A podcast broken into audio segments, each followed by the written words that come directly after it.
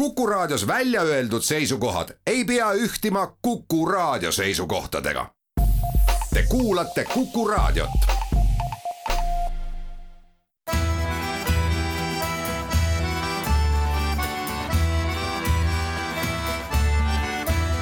Kirillitsas Eesti tere päevast, head raadiokuulajad, eetris on Kirillitsas Eesti, saatejuht Pavel Ivanov ja hea meel stuudios tervitada ETV Plussist Aktuaalses Kaameras Uljana Kuzminat tere! ja Tallinna abilinnapead Vadim Belobrovtsevit. tere päevast! Vadim, palju õnne sulle eilse sünnipäeva puhul aitäh! jah äh,, alustame tänast saadet ja loomulikult äh, ega me siis ei saa olla kuidagimoodi erinev kõikidest nendest väljaannetest, kes peale üheksandat maid on otsustanud, et äh, ka neil on õigus midagi disk-, millegi üle diskuteerida, analüüsida, mõtiskleda või siis lihtsalt vahendada oma mõtteid. Äh, ja ma pean teile tunnistama, et minu kõige suurem hämming oli mitte see, mis toimus üheksandal mail, vaid see, mis toimus peale üheksandat maid paaris venekeelses väljaandes meie vabariigis. Ja ma ei saanud tõesti aru, mis toimub meie kolleegidega. sellepärast, et näiteks venekeelne Delfi, venekeelne Postimees läksid nii kaugele, et lausa üks tegi eri podcasti, teine tegi eri saate eile sellest, et küsida kolleegide, ajakirjanike käest, et aga miks üheksas mai möödus no nii rahulikult esimene mõte, kui ma selliseid küsimusi nägin, mõtlesin, et issand jumal, aga mida te siis ootasite, et mil-, millised olid siis teie ootused? Et äh, kas läheb mingi jamaks, kas siis stereotüüpne arvamus venekeelsest kogukonnast ongi selline stereotüüpne, nii kuidas ta on ja jääb selleks äh, igavesti? kas äh, olid mingisugused isegi mitte kartused, vaid lausa ootused, et midagi kindlasti peab toimuda, toimuma ükstaspuha, kas ühelt poolt või teiselt poolt aga kui jätta see praegu küsimus õhku, siis ma pean teile tunnistama, et jälgides äh, meie äh, venekeelset meediat, aga mitte mainstream meediat, aga ütleme niimoodi äh, väiksemas mahus toimu, toimivat meediat, siis äh, näiteks äh, peale seda Dmitri Klenski, kes on tuntud selline demagoog ja Äh, inimene, kes väga palju äh, teab ja arvab venekeelsest kogukonnast, äh, tegi sellise ühe loo, kus ta nimetas neid samu inimesi, keda on stereotüüpselt ja ka õigustatud arvatud, et nemad ongi need aktivistid, kes tahavad, et oleks surematu polgu marss ja nii edasi, ühesõnaga need üheksanda mai aktivistid. nimetas neid marginaalideks ja alapealkiri tema arvamusloos oligi niimoodi, et politseil on uus hobi, nemad jahivad marginaale. Isegi see inimene, kes nagu on ise sellesama surematu polgu poolt, nimetab need, kes neid organiseerivad, marginaalideks, siis ma arvan, et siin äh, võib-olla meie raadiokuulaja võib-olla täpselt seda äh, tonaalsust äh, ei taju, aga vähemalt meie ajakirjanikud, venekeelses meedias eksisteerivad ajakirjanikud, me, me nagu tabame ära, et äh, ka selles vene kogukonnas, mis on nagu rohkem selline, ma ei saa öelda, et kas radikaliseerum või me, et kujutame, et nemad on ala Kremli-meelsed, isegi seal ei ole mitte ühtsust, vaid sellist ühist arusaama üldse asjadest, et kui kui, kui, kui sina, kes sa pooldad marginaali, nimetad tegelikult neid marginaalideks avalikult, ehk siis midagi ei kasvanud kokku. aga tulles tagasi selle mm. esimese küsimuse juurde, et äh, miks siis nii rahulikult läks, ma kõigepealt tahaks kuulata teie arvamusi sellest. no ma võin kolleegide kaitseks. Võib-olla oletad, et nad püüdsid vastata just oma lugejate küsimustele, miks näiteks Lätis see üheksas ja kümnes mai ei möödunud ei olnud veel neid traktoreid, sellest me räägime ka hiljem, aga jaa, okei, okei, aga võib-olla see oli see vaataja-lugeja küsimusele vastus ja miks? sellepärast, et iga ajakirjanikule on siin Eestis nagu, nagu Siilelegi selge oli, et nagu meil möödub kõik rahulikult, sest nagu ennetu-, ennetustöö olid tehtud nii politsei kui ka võimude kui ka kohalike poliitikute poolt äh,. inimesed teadsid äh,, mida nad peavad tegema ja minu meelest see on ka väga tähtis asi äh,, et venekeelsed inimesed andsid ka oma rahusignaali meie võimudele, poliitikutele oma käitumisega, rahuliku käitumisega ma ütleks niimoodi, et ma arvan, et põhi, no neid on palju, neid põhjusi või põhjendusi nagu miks, miks läks rahulikult õnneks. ma arvan, et üks põhi põhjus oli see, et riik, Eesti riik käitus selles olukorras õigesti Äh, riik, äh, riigi all ma mõtlen äh, noh, meie struktuure, alustades Eesti Vabariigi presidendis ja presidendist ja lõpetades siis kohalike omavalitsuste juhtidega. ehk teisisõnu põhimõtteliselt kõik töötasid selles suunas, et see möödukski rahulikult. sõnavõtud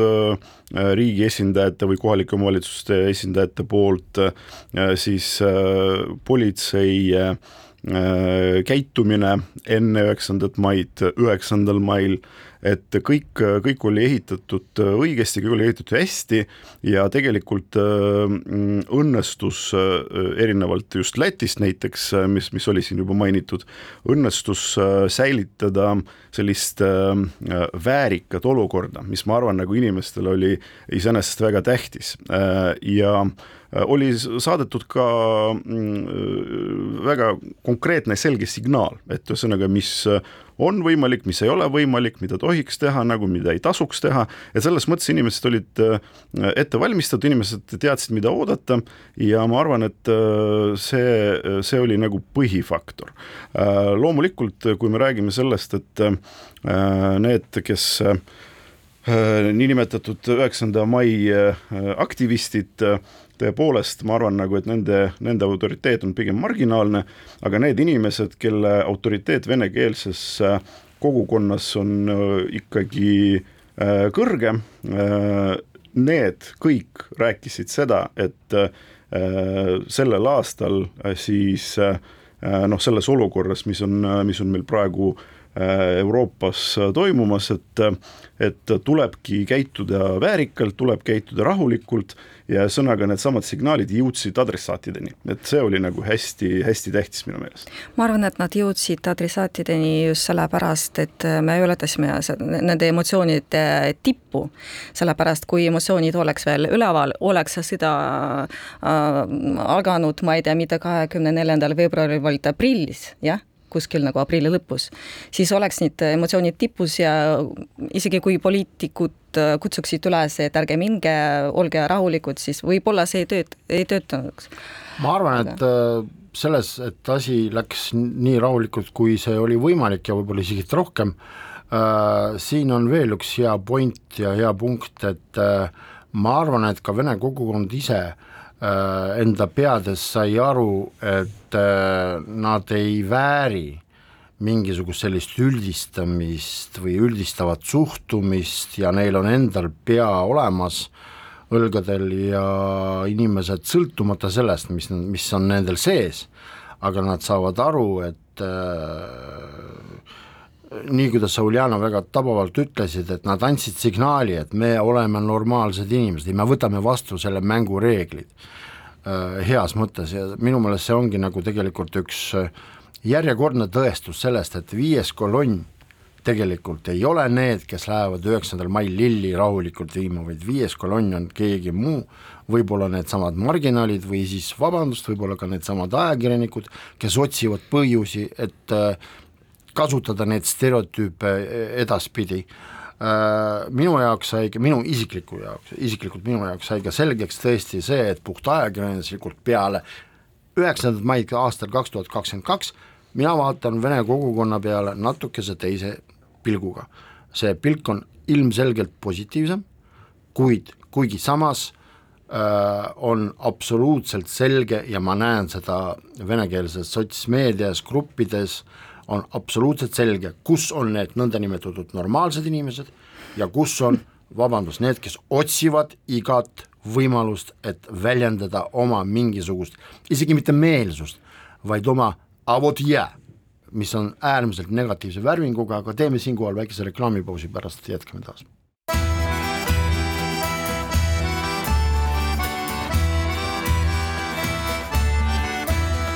Kirillitsas Eesti. Meie saade jätkub ja põgusalt peatumegi nendel teesidel, mida siis näiteks Ruus Delfi esit-, esitas äh, oma podcastis teemal, miks üheksa mai möödus nii rahulikult, et äh, lihtsalt, et leida äh, võimalikke vastuseid äh, küsimustele, kas see peab paika või mitte, esimene tees oli see, et ei olnud liidrit. noh, tegelikult selles on mingi iva sees. Selles mõttes liidrit nagu, kes kes juhiks seda nagu ja või siis peaprovokaatorit võib-olla, aga samas äh, tegelikult see ju kõik ka näitas ka seda, et aga ei olegi vaja mingeid liidreid. sellepärast, et need inimesed, kes sinna läksid, nad olid eneseorganiseeritud minu meelest ja ma ei kujuta ette, kuidas see inimeste mass oleks võtnud vastu kohal olevad mingid just nagu aktivisti liidrid. Значит так, подходим сюда, а вы сюда, так, где ваши ленточки, покажите ленточку, sellist asja vist ei olnudki vaja, aga siit tegelikult koorub välja hoopis teine küsimus. võib-olla vene kogukonnalgi ei olegi vaja mingit liidrit, vabandust, Vadim, aga võib-olla ei olegi vaja ka linnapea mingit pöördumist, ei ole vaja ka mingisugust kirja neljakümne allkirjaga, et rahvas saab ise kuidagimoodi oma peades tulla enda käitumise mudelile? ma arvan, et vastupidi, et äh, nagu ma äh, saate esimeses äh, pooles rääkisin, et tegelikult kõik need pingutused, mis tulid erinevatelt inimestelt, erinevatel ametitel, ähm, olid just kompleksina nii-öelda just selleks põhjuseks nagu miks ma arvan, nagu kõik läks väga rahulikult, loomulikult ei saa äh, no me praegu võime spekuleerida nagu kas, kuidas oleks kõik läinud, juhul kui keegi poleks üldse nagu sõna üheksanda mai teemal võtnud ja lihtsalt äh, Riigikogu olekski võtnud nagu selle sümboolikaseaduse ja, ja kogu lugu ja siis politseid oleks instrueeritud niimoodi, et kui keegi tuleb sellise sümboolikaga, siis tuleb lihtsalt selle inimesega tegeleda, aga kogukonnaga näiteks keegi poleks üldse rääkinud, nagu ma arvan, et Äh, noh, võib-olla polekski midagi juhtunud, aga, aga võib-olla oleks. ja ma arvan, et just äh, need sõnavõtud, just need ähm, äh, ütleme niimoodi, inimeste äh, väl-, inimeste poolt väljendatud toetused nendele sõnavõttudele, et just äh, kompleksina need aitasidki kaasa sellele, et kõik möödus hästi rahulikult, sellepärast et äh, nende, need organisatsioonid, kellele noh, võiks nagu iseenesest see üheksas mai teatud mõttes nagu olla kõige lähedam äh,, olgu selleks äh, niinimetatud veteraaniorganisatsioonid äh, või veteranide organisatsioonid, ehk äh, nemad ju võtsid ka sõna, nemad ka toetasid näiteks linnapea äh, no, pöördumist jah, ja, ja loomul-, jah, ja et ja loomulikult nagu noh, ja need inimesed, kes põhimõtteliselt üheksandal mail nagu peaksidki omama nagu seda autoriteeti, need ise ütlesid, et äh, ärge tulge sinna sümboolikaga, käituge väärikalt, käituge viisakalt ja ja siis äh,, siis kõik, kõik saab hästi nagu, et ma arvan, et just, just see tegelikult aitas väga paljuski sellele kaasa, et kõik mööduski rahulikult ei no ma olen Vadimiga küll nõus, aga nagu praegu näitavad viimased nagu rahvaküsitlused, erakondade reitingud, vene kogukonnal ei olegi mingit selgelt liidrit ka ja kuidagi me toimime ilma selle liidrita, kuidagi me elame ja elame nagu suht rahulikult, no vaatamata sellele, mis sotsmeedias toimub, aga ma, ma kuidagi, ma ei näe seda sotsmeedia mõju meie tänavatel okei okay,, teine tees, et äh, venekeelne inimene näeb või on näinud äh, Venemaa telekanalitelt, kuidas äh, surutakse maha proteste ja peas sündis selline mõte, et ei tasu mängida oma saatusega. no jaa, no keegi ei taha, et häda tuleks nagu, ma ei tea, tema tänavale, tema maja juurde, et no kõik me oleme nagu näinud, mis toimus aastal kaks tuhat seitse, et ikka mingit nagu ah, kokkuvõtte mingid järeldused olid ju tehtud, et keegi ei taha, et nagu midagi aga seda, et eks ole, hirm, et ah. nägi, nägi, et kuidas surutakse inimesi vastu asfalti, et aa, sa mõtled Vene meedias? ja, ja et hirm selle eest, et politsei võib ka siin niimoodi käituda radikaalselt oi, no ma ei tea, ma arvan, et see on kuidagi Kuidagi nagu pastakast välja imetud ausalt ei, öeldes. absoluutselt, sest nagu No me ma- oleme, oleme need ei ole minu mõtted. okei okay,, ja aru. viimane protest äh, Toompeal, kuidas käitus politsei? no olid mingid etteheited, aga kõik oli rahulik ja inimesed nagu said aru, et kedagi nagu vastu maad, vastu asfalti nagu äh, ei panegi näoga. aga no küsimus on ju selles nagu, et mille vastu sa protestid, nagu see on ju ka nagu väga tähtis mm, -hmm. nagu, et selles mõttes sa, sa tahad tulla sõjakalmistule, sa tahad äh, asendada lilled ja mälestada hukkunuid äh,, keegi ju ei keela sul seda teha, et selles mõttes, mille vastu siis hakkad protestima, et äh, sa ei saa näiteks äh, ühe või teise sümboolika elementi kasutada nagu. selle vastu mulle kolleegid Raadio neljast näiteks rääkisid, et äh, raadiokuulajad neile otse-eetris helistasid ja just selle peale ka rõhusid, millisest rahulikust üheksandast maist te võite rääkida, kui on keelatud see ja see ja see. jah, ei, selles mõttes ma arvan, et see, see ei ole nagu ausalt öeldes piisav põhjus selleks, et et protestile minna või, või korraldada proteste, et selles mõttes, kui ma arvan, et kui äh, näiteks äh, oleks otsustatud niimoodi, et äh, lihtsalt paneme nagu kõik sissepääsud kinni ja ei lase inimestel üldse nagu sõjakalmistule tulla, siis, siis võib-olla nagu oleks nii-öelda nagu see põhjus nagu, et miks, miks nagu protestida. aga kuna, kuna see oli võimalik, siis ma seda ei näe seda noh, sellist väga mõjuvat põhjust nagu miks inimesed nagu oleks protestima hakanud. kolmas põhjus, mis tõid välja, mil, mil, mille tõid välja kolleegid venekeelsest Delfist, on see, et äh, Eesti oli äärmiselt demokraatlikult suhtunud sellesse situatsiooni, ehk siis üheksandasse maisse, kui võrrelda Läti ja Poolaga. noh, kes ütleb? ei, nagu ma ütlesin, meie saate alguses ma ju rääkisin sellest, et minu arvates nagu Eesti riik nagu käitus selles olukorras nagu väga õigesti. Ja selles mõttes äh, noh, võrreldes sellega, mida me oleme näiteks näinud äh, Riias, ma arvan, et äh, ka palju targemalt kui, kui see, see toimus nagu Lätis, ma, ma ausalt öeldes ma Poolast ei oska rääkida, sellepärast et ma, ma väga ei tea, mis seal Poolas ma arvan, võib-olla- seal saadiku, saadiku nagu Venemaa saadikule visati ja. punast siirupit näkku ja no jaa, aga seda ei teinud ju Poola, Poola Jaa, riik seda nagu selles mõttes jah, et äh, see on ja me ei teagi teine asi. ja see, seal ei olnud nagu ma ei tea, mingi nagu äh, vene kogukond, kes seda tegi, jah, me räägime just nagu vene kogukonna Jah. käitumisest siin, aga nagu Lätis oli nagu ilmselge äh,, ma arvan, et äh, võimud ise provotseerisid seda, kui nad korjasid need nälge, et nagu Traktoriga. no, traktoriga, no, no no issand jumal, no oli ju selge, et inimesed lähevad vihaseks selle peale. et see oleks nad päev oodanudki, polnud Lätis praegu midagi võib-olla toimunudki. Ma arvan, et äh, kui otsida vastus sellele teesile, et äh, kas Eesti oli demokraatlikum rohkem või vähemal määral kui näiteks Poola või Läti, siis mulle tundub, et meil oli suur pluss see, et meie võimud ja politsei jõustruktuurid, nad otsisid lahendusi, et asi mööduks korralikult ja rahulikult, aga mitte ei otsinud võimalusi, kuidas seda piirata, keelata. no just see väljend nagu, mis hakkas nüüd rändama väga palju internetis, niimoodi dialoogipolitsei nagu, et selles mõttes See politsei on üritas dialoogiga nagu lahendada neid teravaid olukordi ja enamasti see, see ka õnnestus, nii et selles mõttes käituti õigesti. selle dialoogi politsei too-, sellisele noh, ta on veel toores tegelikult, sellepärast et tõesti väga palju küsimusi tekitasid kaks episoodi, kui me räägime mingisugusest intsidentidest pronkssõduri juures Tallinnas. esimene oli see, et kas Jesenini luule on keelatud või mitte, teine asi oli see, et poisil oli tõuk-, tõukeratas kus olid punased ja sinised liibud, mis politseile tundusid nagu Venemaa lipud, aga poiss, kui ta seletas, et see on BMW värk, siis meie Vadimiga kui BMW noh, ma ei saa öelda, et fännid, aga me tunneme seda automarki võib-olla rohkem kui tavaline autosõitja, et see ongi VM, BMW spordi nagu need värvid, eks ole, mis eraldavad tavamudelist. Aga, aga ma arvan, et võib-olla pigem seal oli ikkagi tegu selles inimeste võib-olla käitumises, mitte niivõrd. No võib-olla ma saan aru nagu, et ega politsei jaoks nagu see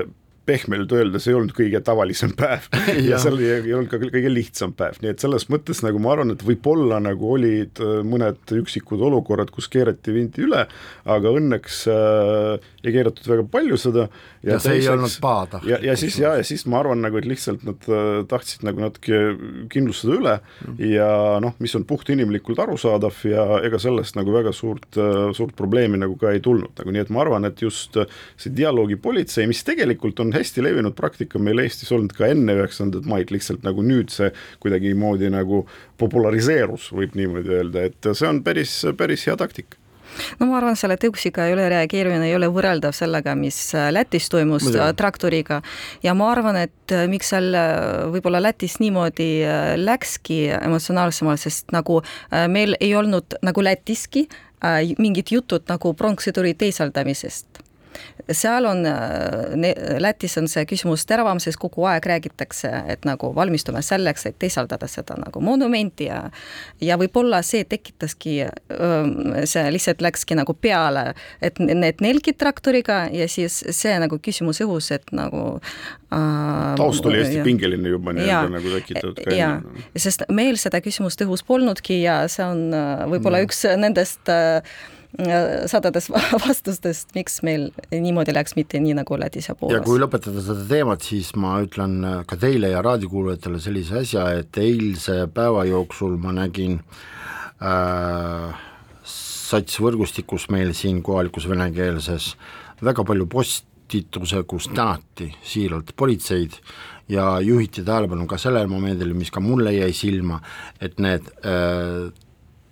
taki, need äh, ehitustõkked, eks ole, mis olid pandud äh, seal kalmistul enne pronkssõdurit,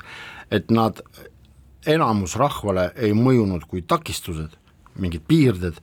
vaid kui äh, normaalse liiklemise organiseerimine. et tegelikult see on väga huvitav, aga samas ma pean teile veel kord rõhutama, et need politseile tänuavaldused olid konkreetsetes rühmades ja konkreetselt konkreetsetes teistes rühmades olid, äh, kui me räägime Riia sündmustest, siis seal olid mitte traktori vastu äh, mingid postitused, vaid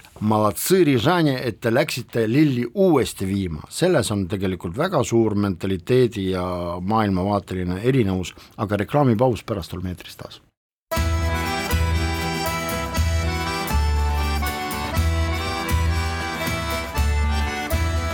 Kirillitsas Eesti. meie saade jätkub stuudios Uljanekus, mina Vadim Belobrovtsov ja saatejuht Pavel Ivanov. Äh, mis te arvate, kas äh, meie ajalootunnid, ühiskonnaõpetuse tunnid meie koolides peale kahekümne neljandat veebruari aastal kaks tuhat kakskümmend kaks, peale võib-olla isegi üheksandat maid kaks tuhat kakskümmend kaks, kas äh, nad muutuvad drastiliselt või siiski ja koheselt või läheb selle olukorra mõtistamiseks aega ja me näeme mingisuguseid akadeemilisi muudatusi selles pedagoogilises materjalis veidi hiljem ei, aga äh, miks, miks sa arvad nagu, et on vaja nagu midagi väga drastiliselt muutma hakata? no sellepärast, et iga põlvkonnaga muutub ajalugu vähemalt üks kord. ei, ma saan aru nagu, et loomulikult nüüd on lihtsalt see nagu, et äh, ühel hetkel tuleb äh, kirjutada ajalooõpikutesse sellest, mis toimub praegu ehk nagu see meie ajastu nii-öelda, kus me praegu elame, äh, kaasa arvatud. okei okay,, ma sõnastan ja. oma küsimuse teistmoodi, kas siis tänapäeval, näiteks järgmisel nädalal Vene gümnaasiumis ajalooõpetaja, ühiskonnaõpetaja tuleb klassi ette, ma ei tea, gümnaasiumi klassis hoopis teiste teesidega, kui oli veel kas või pool aastat tagasi. no jällegi, see sõltub sellest, mis, mis ajastust me räägime, et selles mõttes meil on ju Eestis äh, selline äh, asi nagu Eesti kool. Ja tegelikult kõik koolid, sõltumata sellest nagu, et mis keeles seal haridus toimub, on ühtse Eesti kooli osad nii et selles Võib-olla seda mõttes ma tahtsingi kuulda, ja- ma ei tea. ja õppe, õppekava on Eesti Vabariigi õppekava, mis äh, kinnitatakse siis Haridus- ja Teadusministeeriumi poolt, sõltumata sellest nagu, kas seda äh, siis pärast äh, antakse äh, õpilastele eesti keeles, vene keeles või mingis muus keeles, et selles mõttes äh, ma ei näe niisugust põhjust hakata äh, ajaloos äh, midagi teistmoodi äh, õpetama, võrreldes sellega nagu, mi- mis, mis on praegu meie äh, Eesti Vabariigi õppekavas aga samas, kui me räägime sellest, mis toimub praegu nagu, siis see varsti loomulikult saab ka ajalooks, et iga päev nagu on, on ju ajaloo tekitamine nii-öelda. ja siis sellest jällegi hakatakse kirjutama õpikuid ja metoodilisi materjale ja siin ma arvan, jällegi nad ei hakka erinema just äh, koolide või siis nagu äh, kooli keele, õppimiskeele äh, alusel. no Venemaal ja Poolas juba hakati need õpikud ümber kirjutama, aga see on nagu vältimatu protsess, ma arvan, et ja Eesti õpikutesse ka lisatakse pärast öö, see äh, keeruline aasta, mis meil on, aga teades, mida ajalooõpetajad räägivad näiteks ajakirjanikele, et isegi enne kahekümne neljandat veebruarit nad rääkisid õpilastega peale seda õppekavat just sündmustes äh, Venemaa ja Ukraina vahel, mis seal toimub, ja ma arvan, et midagi drastiliselt seal ei muutu. Et äh, ikka meil on väga arukad ajalooõpetajad, ikka nad äh, vastavadki äh, õpilaste küsimustele ja muidugi nad oma meelt kuidagi ei muuda nagu ühe päevaga. kui toimub selline aktsioon, et äh, tuntud ajakirjanikke kutsutakse vene koolidesse, vene gümnaasiumitesse, no ühiskonnatunde rääkima äh, millestki, mis on praegu aktuaalne, kui Uljana sulle sinu kodulinnast Sillamäelt tuleb selline ettepanek, aga ma just eile käisin. nii, vot Хорошо, что вы пришли на передачу. Rääkige meile. ma just eile käisin Sillamäe gümnaasiumis rääkima õpilastega teleajakirjaniku rollis ühiskonnas, meedias, sõnavabaduses ja see oli just nende, nagu mina sain aru, ühiskonnaõpetuse nagu mm -hmm. tundide raames, raames, jah aga kas siis seda praegust olukorda ka vaagiti? tead, sellest me ei rääkinud, nagu ma saan aru, väga paljudes koolides, no mida ka nagu direktorid nii Ida-Virumaal, nii Tallinnas ütlevadki, et lapsed on lihtsalt väsinud sellest teemast, nad ise paluvad, et nagu sellest mitte nii palju rääkida, sest nagu pärast kahekümne neljandat äh, olid äh, mingid tunnid, vestlused ja nii edasi, nii edasi ja lapsed lihtsalt äh, väsivad sellest teemast ära, see võib olla äh, no ei ole ka nagu päris laste teema ja peaks sellest rääkima, aga mitte nii palju, mitte nagu iga nädal või midagi niisugust, et ka nagu see on väga negatiivsed nagu uudised, mis tulevad ja sündmused, et äh, näiteks äh, rääkisin äh, kunstikooli direktoriga, nad ütlesid, et vahepeal lapsed ja õpetajad nutavadki koolis nagu ma, ma ei tea, just sellepärast, et nad ei, ei pea vastu. ja lapsed ka nagu, me, me seda ei puudutanudki, sellepärast et äh, mõtlesin, et kui lapsed ei taha sellest rääkida, siis sa said seda,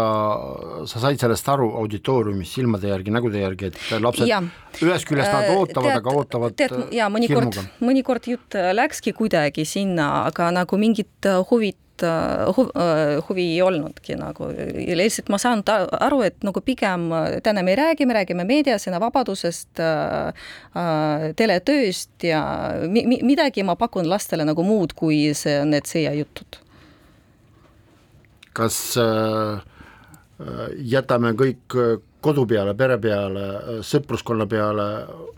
või kuidas? Ei, no aga koolides ju räägitakse ja võib-olla sa ei saanud Uljana sõnades õigesti aru, nagu tema, tema ütleski nagu, et räägitakse isegi võib-olla liiga intensiivselt Aha. nagu, et et selles mõttes äh, tõepoolest sellest tuleb rääkida nagu ja peab rääkima, et pole midagi teha, nagu noh, täna äh, kahjuks on see nii-öelda uudis number üks päevast päeva, siin ei ole küsimustki, aga äh, lapsed ju käivad koolis erinevatel ainetundidel, nad peavad õppima matemaatikat, füüsikat, keemiat, emakeelt, teisi keeli ja nii edasi ja nii edasi, sa ei saa ju nagu äh, igal tunnil äh, rääkida sellest, et, et käib sõda Ukrainas ja loomulikult äh, teatud tundidel, nagu näiteks ühiskonnaõpetus, nagu sa ise mainisid, või siis noh, ajalugu ka teatud mõttes, et seal loomulikult nendel teemadel räägitakse ja ma arvan, et see on, see on täiesti loogiline ma tean juhtumitest, kui näiteks, kui jutt isegi nagu ühiskonna see õpetuse tunni jooksul nagu lähebki sinna, siis mõned lapsed li lihtsalt lähevad klassist ära sest nad ei taha sellest enam kuulata. no meil igaühel on oma nagu ähm, kuskil piir, jah, taluvuse piir, piir. ja siis mõned lihtsalt ei taha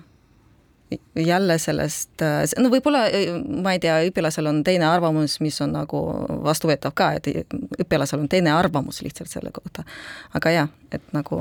lastega peaks rääkima, aga mitte nii intensiivselt. see on ju paljuski samamoodi nagu juba täiskasvanutega nagu, kes äh, väga paljud ütlevad mulle nagu, et nad enam ei, ei loe nagu uudiseid samad, samas mahus, nagu nad on näiteks eelnevalt lugenud, sellepärast et äh, nagu okei okay,, ma saan aru, et mis toimub, ma selles mõttes nagu ma tean, millest kirjutatakse ja noh, kuna seal no, sõda on ju nagu õudus, see on võib-olla kõige õudsem asi nagu üldse nagu, mis saab olla. ja loomulikult, kui sa iga päev loed nendest õudusest aina rohkem nagu, siis tõepoolest ühel hetkel nagu sa põhimõtteliselt hakkad tundma nagu, et et vabandust väljenduse ees, aga katus hakkab sõitma nagu, et selles no, mõttes, et kuskil nagu on see taluvuse piir, nagu Liana ütleski, et ja no kui me räägime lastest nagu siis äh, võib-olla nagu see taluvuse piir on võrreldes täiskasvanutega veelgi madalam, nii et selles mõttes kindlasti peab ka, äh, ka seda meeles pidama. Lihtsalt kurb on selle asja juures see, et kui näiteks seesama nooruk läheb TikTok'i, kus ta arvab, et ta saab mingisuguse vahelduse, paraku ta võib ka seal sedasamat sõjapropagandat või siis midagi muud, mis on sõjaga seotud, eks ole, näha. Ja see frustratsioon võib-olla tal on nagu Äh, topelt, et ühest küljest ta on sellest tüdinenud, teisest küljest ta isegi oma meelelahutusresursilt saab sellesama asja, aga ma ei mäleta. aga ma ei tea, ma ei istu TikTokis, ma jään vastuse võlgu, mis, mis seal toimub, äkki Vadim istub, ma ei tea. istu, ma lihtsalt olen ma olen liiga vana juba sellesse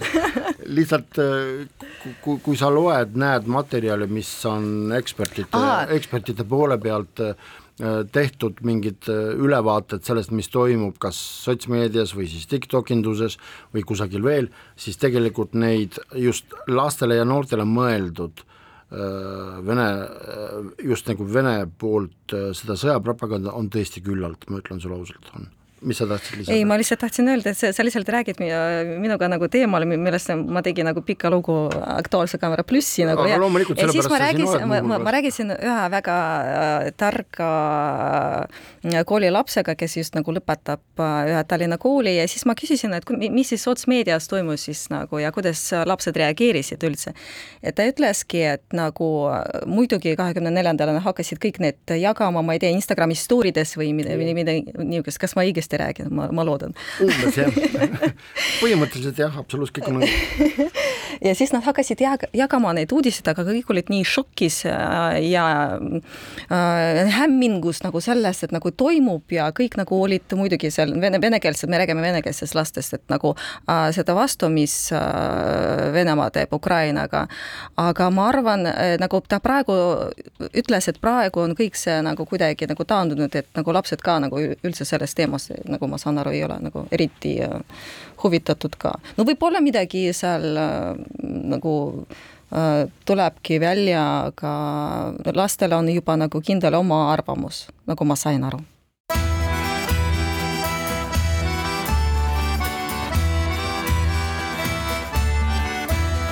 Kirillitsas Eesti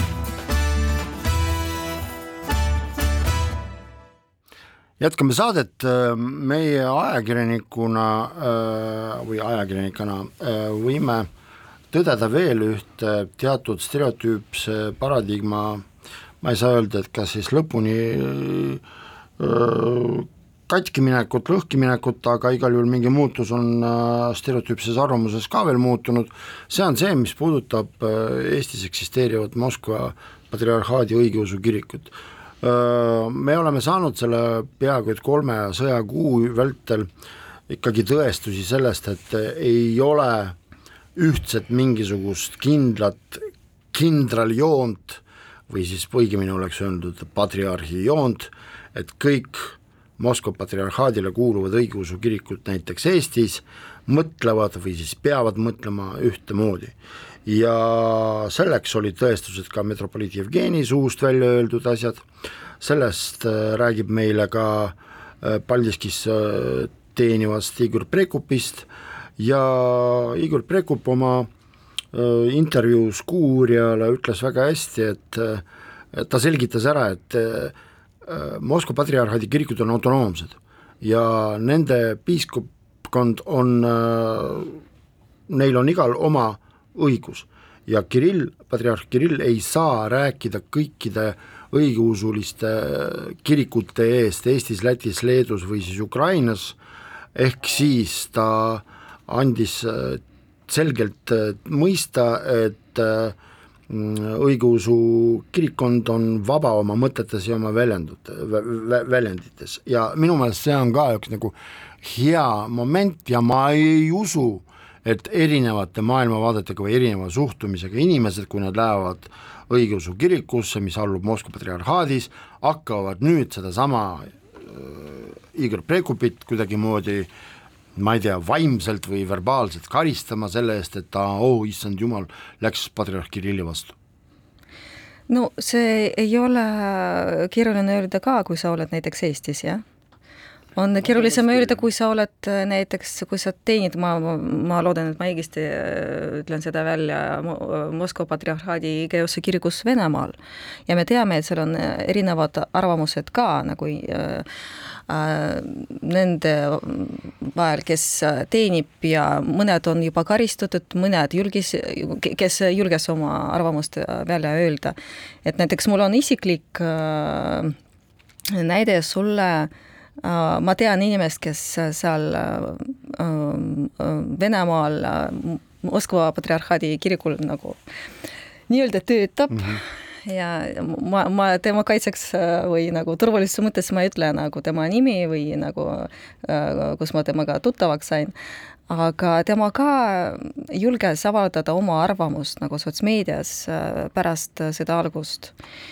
ja nüüd me kõik teame, mis tema arvamus on, aga see postitus oli äh, lihtsalt nagu kadunud just sellepärast, et nagu tagajärjed võivad olla väga tõsised. Ja noh, siin võib äh, ütelda ühe väga lihtsa asja, et äh, ka preestrid ja kõik kiriku inimesed on ka inimesed ja igal inimesel nagu loomulikult võib olla oma arvamus, sõltumata sellest nagu, et mida arvab tema ülemus ja kui rääkida konkreetselt äh, Eestis, siis tõepoolest äh, siin seda äh, toetust Putinile või niinimetatud sellele spetsiaalsele operatsioonile, kuidas siis Venemaal nagu nimetatakse sõda Ukrainaga, et ähm, ka siin on täiesti, täiesti teine olukord, et me teame, et mitropoliit Jevgeni juba allkirjastas koos teiste kirikute äh, juhtidega siis äh, sõjavastase sõja, sõjavastase avalduse. Ja. Äh, ja kui rääkida konkreetselt sellest äh, Kuuuurijast ja Igor Prekupist, kes Paldiskis töötab, siis mina tunnen Igorit isiklikult ja tegu on väga targa ja korraliku inimesega, nii et selles mõttes minu jaoks nagu tema hoiak ei tulnud absoluutselt üllatusena. Ja minu meelest on väga tore nagu, et tegelikult temaga tehti selline pikk pikk äh, intervjuu, et kus ta sai nagu ka rääkida mitte ainult sellest nagu, mida ta ise siis tunneb ja mis on tema äh, mõtted, vaid äh, ta rääkis ka sellest hierarhiast natuke rohkem nagu ja andis mõista, et tegelikult ei ole see nii, et äh, Venemaa patriarh Kirill nagu siis ütles midagi ja siis kõik teised kirikud kõikides teistes äh, riikides äh, hakkavad seda palavalt toetama, sõltumata sellest, mida need inimesed ise arvavad, nii et selles mõttes äh, väga hea nagu see intervjuu ilmus ja nagu ma ütlesin, et äh, minu jaoks ei olnud üllatus nagu, et äh, Igor Prekup äh, need, äh, need hoiakud ka väljendas ühest küljest on seda hea tõdeda tõesti, et äh, ei maksa järjekordselt üldistavalt süüdistada Moskva patriarhaadi kirikut siin Eestis äh, sõja toetuses, kindlasti see niimoodi ei ole, teisest küljest loomulikult äh, äh, ütleme niisugune terava mõtlemisega inimene küsib, aga okei okay,, Prekub on üks, aga ülejäänud kas nemad toetavad, ei toeta, me ei tea. aga kas nad kõik peavad oma arvamust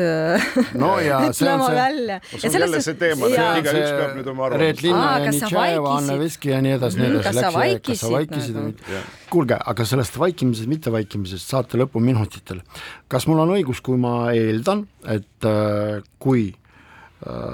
oletame ja loodame, et äh, Stefan jõuab finaali oma lauluga Hope, et äh, kas mul on õigus, et hääletused Eestist jagunevad niimoodi, et Eesti venelased annavad oma hääled Eesti eest, Eesti eestlased Ukraina eest? sa ei saa ju hääletada oma riigi esindaja eest nii palju, kui mina mäletan. ma, ma, ma niimoodi, ma, ma lihtsalt, ma mõttes, ma mõtlen noh, mõtteliselt. ei, sa mõtled täna või laupäeval? ma mõtlen finaalis juba. ma eeldades, et Stefan jõuab äh, finaali. oma riigi, oma riigi esindaja eest ma, ma ei räägi, ma ei räägi nupuga nu, nupule vajutamisest, ma räägin peas. Peas. ma arvan, et peas kõik ikkagi toetavad öö, oma riigi esindajat, see on loogiline, aga see, et väga paljud toetavad praegu Ukraina esindajat, sõltumata sellest nagu, mis, mis see laul on nagu ja kas see, kas see tõesti nagu on äh, favoriit just muusikalises mõttes, noh, see on ju ka loogiline, nii et äh, iseenesest äh, praegu kõik need äh, agentuurid nagu, kes tegelevad prognoosidega, ennustustega nagu, äh, nemad ju väga konkreetselt ütlevad, et noh, põhimõtteliselt võitja on juba teada ja see võitja on Ukraina nii et selles mõttes ähm, äh, ja noh, me kõik saame aru, miks see niimoodi on. no inimlikult see on küll, nagu arusaadav. Konkursi mõttes ei ole võib-olla nagu kõige parem nagu, et et kas sa mõtled, kas, kas venekeelsed, kas sa mõtled, kas e- e- venekeelsed Eesti elanikud hakkavadki äh, Ukraina eest hääletama laupäeval või? selle küsimuse püstitasid juba sina, ürita vastata sellele küsimusele. no võib-olla nagu mõni protsent ikka hääletab. No kui me arvame, mis, mis meeleolud nagu on, me ei ole nagu, praegu, praegu me ei saa ütlema nii välja, öelda, et me oleme mingi nagu homogeenne kogukond siin Eestis, et nagu ma, ma arvan, et on nagu, nagu mujal on nagu, nagu mm, viis ja viis protsenti nagu mõle, mõlemalt poolt äärmused ja siis nagu see, mis keskel toimub, see on nagu mõttes nagu sa, sa juba nagu läksid nagu nii-öelda nagu pehmemate teemade juurde nagu, et selles mõttes ja nagu me räägime juba Eurovisioonist nagu, aga no siin, siin ma, ma ütlen väga lihtsalt nagu, et äh, ma, ma kunagi ei helista ja ei hääleta äh, Eurovisioonil äh, ma alati toetan ikka omasid nii-öelda aga nüüd? Äh, ja nüüd ka ei hakka midagi, midagi, ei hakka helistama ja, ja hääletama kas Tallinna linnavalitsuse poodid ei olegi tööle rakendatud? jah, et, et aga samas no jällegi, siin on kaks faktorit, üks faktor on see, et kas me valime parima muusikalise pala või etteastet nii-öelda nagu põhimõtteliselt noh, Eurovisioon is all about nii-öelda nagu, et see ongi see. Või siis me lihtsalt tahame näidata, et me toetame Ukrainat nagu hääletame Ukraina poolt nii-öelda a priori ehk sõltumata sellest nagu, mis, mis, missugune see äh, lugu on, et igaüks otsustab siin ise, mida ta teeb ja ma arvan, et äh, selles mõttes me võime Ukrainat toetada täiesti teiste, teiste meetmetega, palju tõhusamate meetmetega, aga igaüks, nagu ma ütlesin, nagu kui inimene tahab äh, niimoodi toetada, nagu siis selline võimalus on tal ja, olemas. ja ärgem pärast tõesti tõsiselt äh, sügavalt silma vaadates oma vestluspartneri käest küsi, küsime, et kelle eest sa hääletasid. aga meie tänane saade on ei, ma küsin, lõppenud. aga nüüd hakkad hääletama, ma ei, ma ei küsinud, kelle meie tänane hääletada. saade on läbi, tuletan meelde, et stuudios olid Uljana Kuzmina, Vadim Belobrovtsev, saatejuht oli Pavel Jonov, aitäh kuulamast, kohtume taas.